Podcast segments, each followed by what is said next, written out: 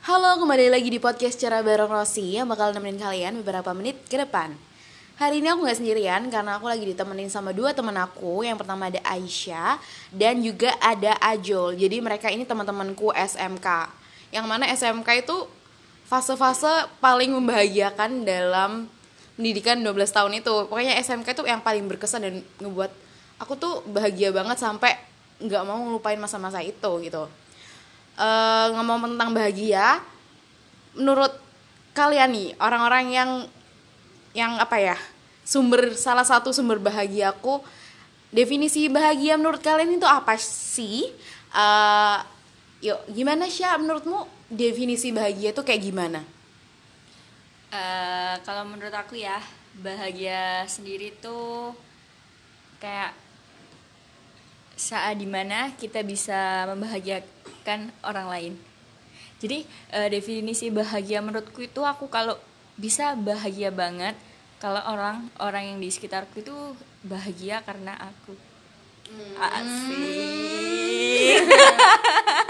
Terus terus terus. gitu Eh, jadi ya sesimpel itu saat orang-orang yang kita sayang bahagia maka kebahagiaan itu kayak udah spontan mengalir ke diri aku sendiri jadi ikutan bahagia kalau menurut aku sih gitu Jadi bahagia dengan cara membahagiakan orang lain gitu ya. yes of course Eh, terus kalau menurut aku sendiri sih, aku tuh bahagia itu kalau aku tuh memiliki kebebasan yang utuh, kebebasan dalam memilih, kebebasan dalam berpendapat, kayak gitu sih.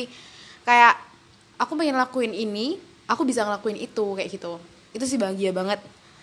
Asalkan dengan catatan harus tetap dalam konteks yang baik gitu ya. Kebebasan dalam konteks yang baik gitu. Gitu sih jadi kalau di mana aku bisa ngelakuin semua hal yang aku ingin selama itu baik untuk aku dan aku pastinya aku bakalan ngelakuin sesuatu yang emang baik untuk aku gitu sih jadi kalau aku bisa ngelakuin semua itu aku tuh bahagia gila bahagia banget gitu kalau menurut kamu gimana sin Sintajul Ya kalau definisi bahagia menurutku sih seperti kayak punyanya Aisyah ya. Cuma aku lebih ke keluarga. Kalau aku bahagia aku juga bahagia gitulah. Ya intinya seperti itulah. Kalau orang tua aku bahagia ya aku juga bahagia. Hmm, ya. so sweet Eh, itu sih ya emang mereka ini orang-orang yang tahu banget cara membahagiakan orang-orang sekitar gitu.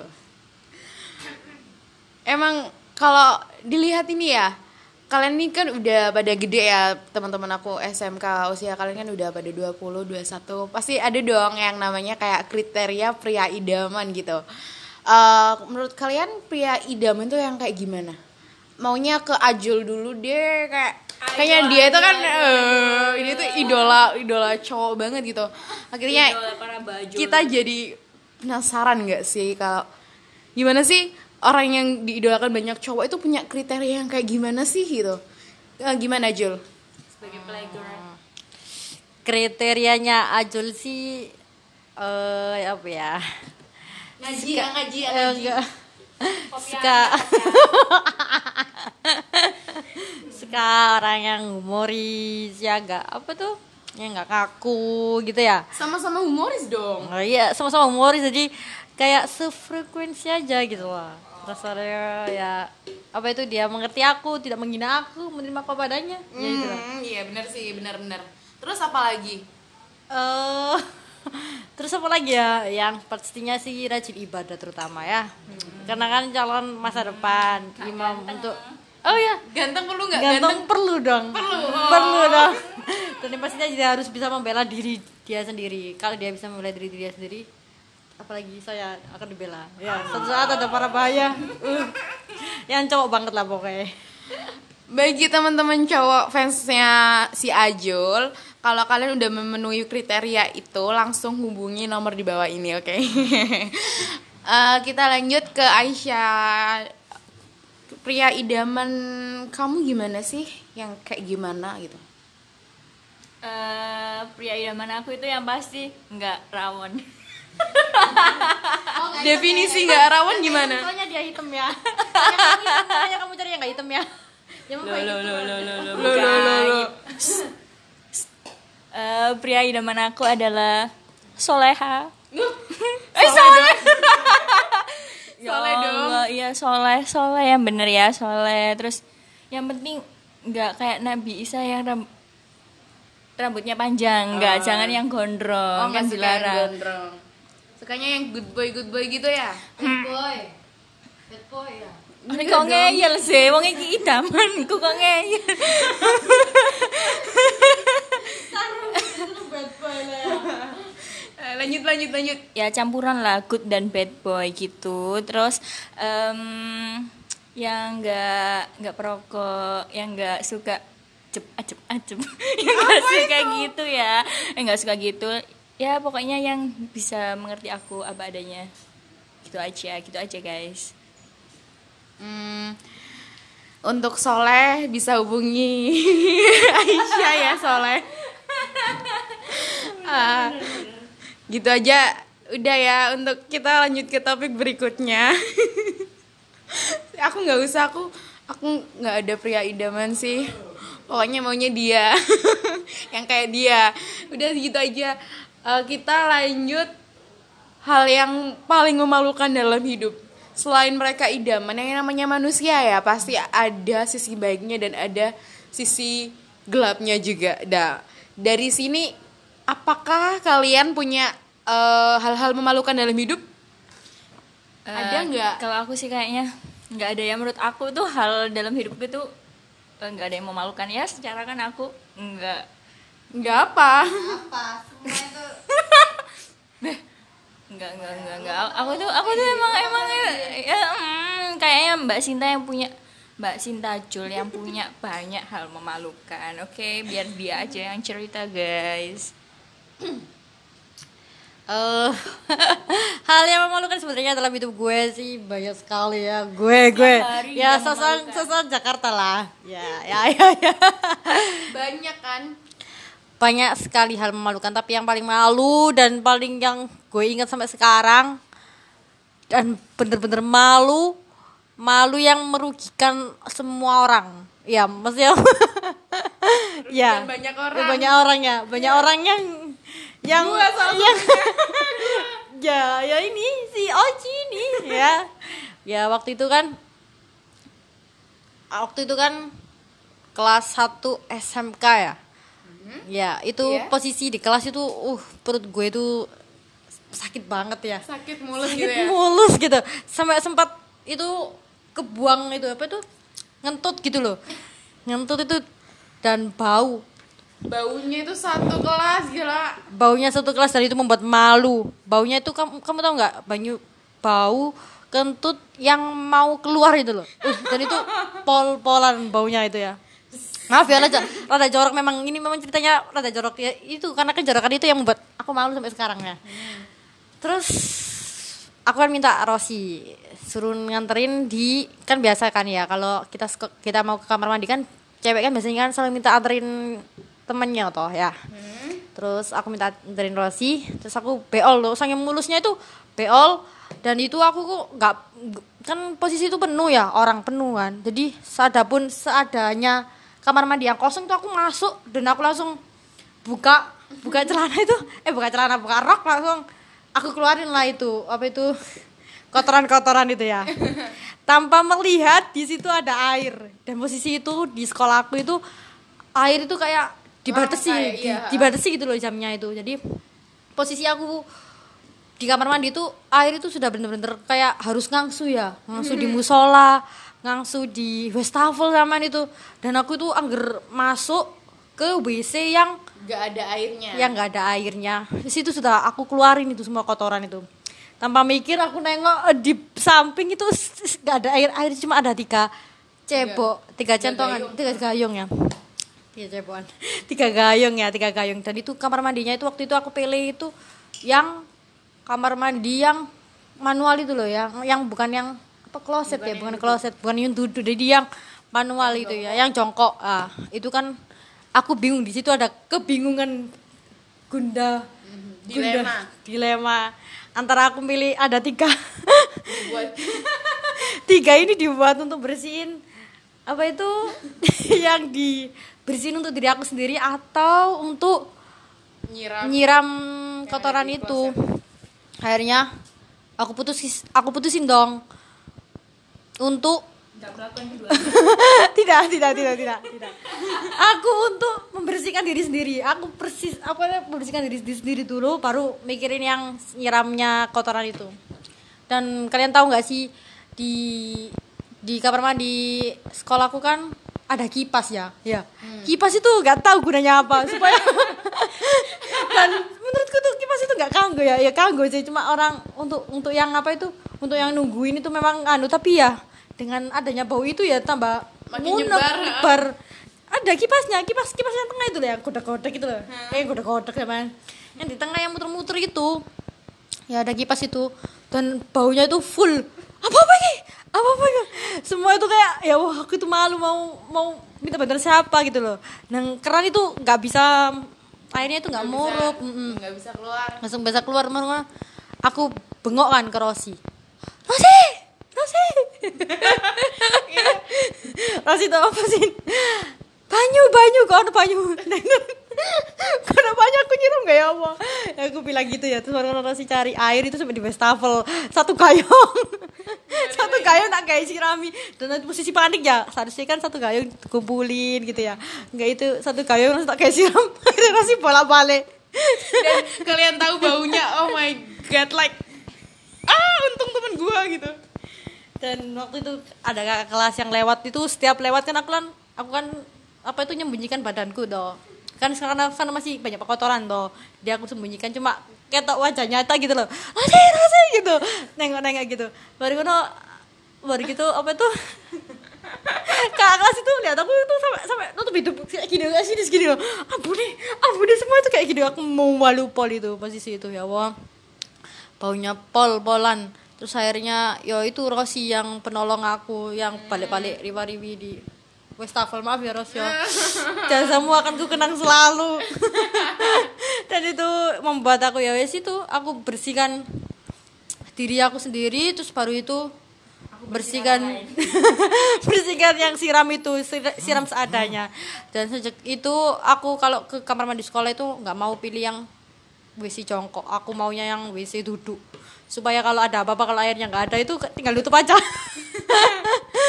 terus tinggal bersihin itu sendiri. Situ sangat-sangat memalukan bagi aku ya. Gila sih itu memalukan banget banget banget banget. Terus kalau kamu Syah gimana? Ada nggak sih kalian kayak pengalaman paling memalukan gitu? Ada gak Eh, kalau aku sih ya ini menurut kayaknya memalukan menurut orang-orang yang lihat. Kalau aku sendiri itu eh, jadi dulu itu waktu SMK jadi kita tuh kelompokan ada tugas prakarya. Nah tugasnya itu bikin kayak kerajinan per kelompok dan kelompok kelompokku itu kan berempat ya. Berempat. Niat niatnya tuh eh, rencananya mau bikin celengan babi. Kenapa kita konsepnya babi? Karena kalau babi itu kayak menurut kita tuh bakal lebih banyak dapat uang.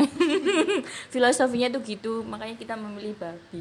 Nah, saat proses pembuatan, pembuatan celengan babi, lama kelamaan eh, ternyata nggak jadi babi. jadinya apa dong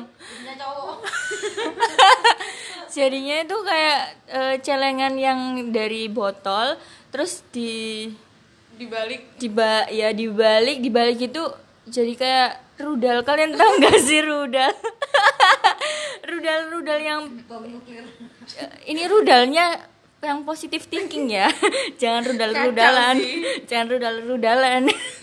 Eh, jadi itu eh, botol yang kayak dibalik terus eh, bawahnya ada ada eh, eh, penyangganya tuh tutup botol. Dan kita aku tuh sekelompok itu diinyek sama teman-teman diinyek apa ya diinyek bahasa? Ya dikata-katain lah dihina. "Ih, itu celengan apaan? Bilangnya babi tapi jadinya tambah rudal. Jadi ku jadi celengan itu dihina-hina dilempar sana sini rudal rudal rudal gitu. Terus eh terus terus terus itu kan setelah setelah Mentalnya jatuh. eh, dia kan langsung kena mental tuh. Aku jelasin ya, aku jelasin ya. Kalian tahu botol ya, botol terserah, ya, botol terserah. Botol terserah itu cuma di sprite botol sprite Hmm, botol Sprite yang kecil itu loh. Cuma dibengkongin gini, dimiringkan, dimiringkan di titik bukaannya itu loh, tutupnya itu dimiringkan tok terus dikasih penyangga. Dan itu mereka nyebutnya rudal dan kita itu nggak tahu itu itu yang mereka buat itu apa? Itu apa? Ini rudal. Ternyata cuma dibengkokkan gini sudah jadi rudal. Celengan rudal. tadi babil ya dari Ruda dan rudalnya itu rudal itu biasanya kan malah hitam ya. Ini lucu rudalnya. Pink. Pink. Biru muda ya. Jadi ya segitu itu kayak gak jelas kelompoknya itu. Terus kedua terus sudah mentalnya jatuh ganti Iya, akhirnya aku sama temen-temen tuh ganti bikin kayak lampion eh, dari stick. Eh, ceritanya tuh kayak lampu yang eh, dalamnya di, diisi lil- lilin. Terus eh, buat penghias percantik lampu itu dari stick es krim yang kecil-kecil gitu. Terus kata, kata temen-temenku itu tuh lampionnya tuh yang pertama udah bikin celengan nggak jadi terus sekarang mau bikin lampion yang bertemakan mau bertemakan mau ma- apa ini? Mau bikin Eh, kebakaran eh, eh, gitu. bikin kebakaran. Praktek sempat kebakaran ya? Ya Allah sedih banget bikin prakarya malah. Ujungnya nggak ada yang jadi dan akhirnya kita ngumpulinnya. yang lampion itu. Eh, eh, yang lampion tapi tetap lampionnya itu membahayakan ya guys. Jangan dibeli ya lampionnya tuh bikin kebakaran rumah kecil. kalian. Kecil pakai kertas. Kecil pakai kertas. Kertas apa sih namanya? Kertas kertas. lipat. Ya ya. Kertas lipat tapi yang bening itu lah nah itu. Kecil kertas lipat persegi dan itu pakai lilin yang besar. Aku inget itu inget lilin yang besar. Rencananya itu kan kayak dikasih lilin aromaterapi gitu ya. Tapi dia pakai lilin mati lampu itu aromaterapi nggak ada. Dan itu berberakarya itu sampai tercengang Nah, sih kacau kacau. Itu memalukan bagi satu kelompok bukan hanya diri sendiri yang memalukan bagi Ah. satu kelompok. Kayaknya dilihat-lihat pengalaman memalukan kalian itu dari sekolah ya. Hmm, kalau aku dari sekolah juga sih tapi waktu aku SD nah aku waktu SD itu aku mau latihan nari aku berangkat dong aku semangat karena aku suka nari. Aku naik sepeda sepeda kecil itu. Eh eh itu ada ada polisi tidur tapi aku nggak tahu. Terus akhirnya aku terbang bersama sepedaku terus jatuhnya ke becak-becak. Balan mobil terus akhirnya si tukang becaknya kaget dong kayak gila apa jatuh dari langit kayak bom jatuh kan. Akhirnya ya udah aku ditolongin tapi aku tetap stay cool aja karena aku masih tetap mau ke sekolah buat latihan nari si bapaknya udah ketawa tapi tetap bantuin. Terus ya udah aku kembali lagi ke sepeda aku terus aku berangkat nari itu. Udah gitu aja buat podcast hari ini semoga kisah-kisah dari kita ini bisa menghibur atau bahkan menginspirasi ya. Kayak amin amin amin. Kayak kisahnya si Ajul mungkin bisa jadi inspirasi buat teman-teman. Ya saranku ya kalau kalian itu ke kamar mandi kalau nggak ada tisu ya dilihat sekitarnya itu ada air atau enggak jangan keburu-buru buang hajat ya. Iya. terus akhirnya menyusahkan sekali semua orang sampai satu ruang satu kamar mandi. Itu kan kayak kos-kosan ya kamar mandinya itu kayak berruang-ruangan itu. Uh itu memalukan sama sekali. Jadi orang apa sak pas aku keluar dari kamar mandi itu serasa artis tahu nggak sih? Kayak diliatin banyak orang. Diliatin sambil ditutupi cadar gini orangnya. Wah itu memalukan sekali. Dan menyusahkan temanku yang harus ngangsu air itu di wastafel itu loh. Aduh, sangat pengorbanannya itu. Wih, memalukan sekali. Untung aku punya bestie yang sangat super super duper. ah. Itu sih tips dari Sinta. Kalian inget-inget ya. See you next episode. Bye. Bye